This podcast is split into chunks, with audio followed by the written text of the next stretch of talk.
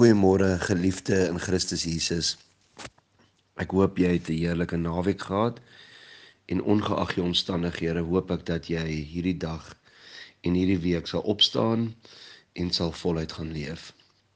Ek wil met jou deel wat Pythagoras, die wiskundige en filosoof omtrent 475 voor Christus al gesê het. Ehm um, hy het gesê dat mense op hulle eerlikste is wanneer op hulle op hulle eie met die gode of met God praat en dat ons indien ons hierdie gebede sou kon hoor sou kon weet watter soort mense hulle werklik is. Ehm um, vriende en ek wil sommer ver oggend met jou praat oor om pad langs net eerlik in jouself te wees om nie met enige pretensies te leef nie en om te sê dat jy nie meer krag en lus daarvoor nie. Jy het nie meer lus om mense te beïndruk of enige iemand om jou um om jou beter te laat lyk of net beter te wees nie.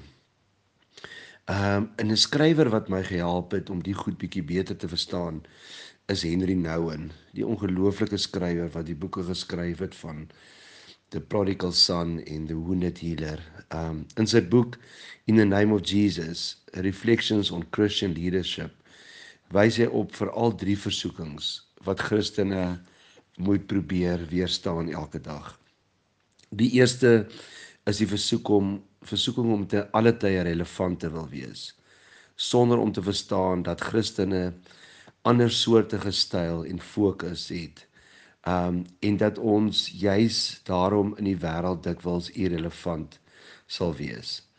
Um met ander woorde, ons hoef ons nie self uit die wêreld uit te neem. Dis alles behalwe wat ek sê.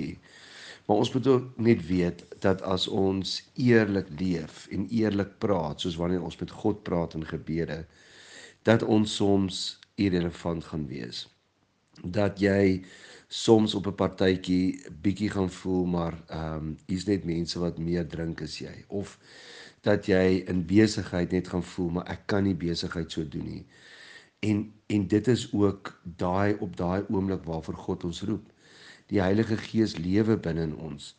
En ons gaan baie kere gaan ons ehm um, soos ehm um, bietjie randfigure voel. En ons hoef nie altyd relevant in hierdie wêreld se terme te wees nie.